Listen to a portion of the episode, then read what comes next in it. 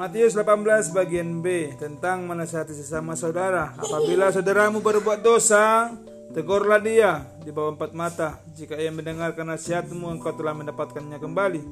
Jika ia tidak mendengarkan engkau, bawalah seorang atau dua orang lagi, supaya atas keterangan dua atau tiga orang saksi perkara itu tidak disangsikan. Jika ia tidak mau mendengarkan mereka, sampailah sampaikanlah soalnya kepada jemaat. Dan jika tidak mau juga mendengarkan jemaat, pandanglah dia sebagai seorang yang tidak mengenal Allah atau seorang pemungut cukai. Aku berkata kepadamu, sesungguhnya apa yang kami, kamu ikat di dunia ini akan terikat di surga. Dan apa yang kamu lepas di dunia ini akan terlepas di surga. Dan lagi aku berkata kepadamu, jika dua orang daripadamu di dunia ini sepakat meminta apa pun juga, permintaan mereka itu akan dikabulkan oleh Bapakku yang di surga. Sebab di mana dua atau tiga orang berkumpul dalam namaku di situ aku ada di tengah aku ada di tengah-tengah mereka. Perumpamaan tentang pengampunan. Kemudian dalam Petrus dan berkata kepada Yesus Tuhan sampai berapa kali aku harus mengampuni saudaraku jika ia berbuat dosa terhadap aku? Sampai tujuh kali?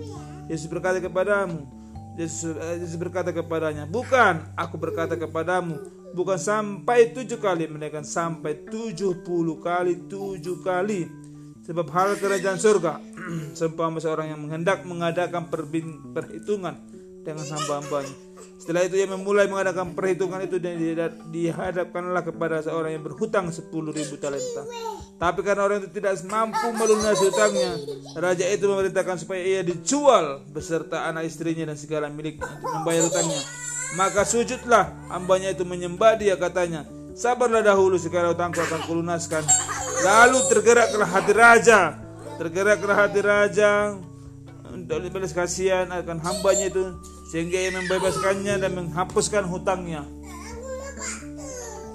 tapi ketika hamba itu keluar ia bertemu dengan seorang hamba lain yang ber, ber, berhutang 100 dinar kepadanya. Ia menangkap dan mencekik kawannya itu. Dengarkan deh.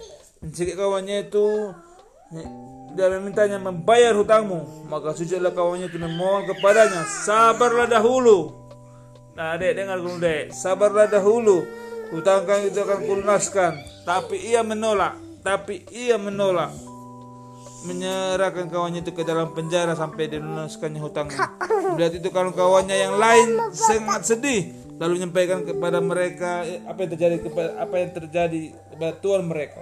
Raja itu menyuruh memanggil orang itu dan berkata kepadanya, "Hai hambaku yang jahat, seluruh hai hamba yang jahat, seluruh hutangmu telah ku hapuskan karena kau memohonkan kepadaku. Bukankah engkau pun harus mengasihi sesamamu seperti aku telah mengasihani engkau?" Maka marahlah tuannya itu dan menyerahkannya kepada Algojo Algojo sampai ia melunaskan seluruh hutangnya. Maka papaku yang di surga akan berbuat demikian juga terhadap kamu bila kamu masing-masing tidak mengampuni saudaramu dengan segenap hatimu. Amin.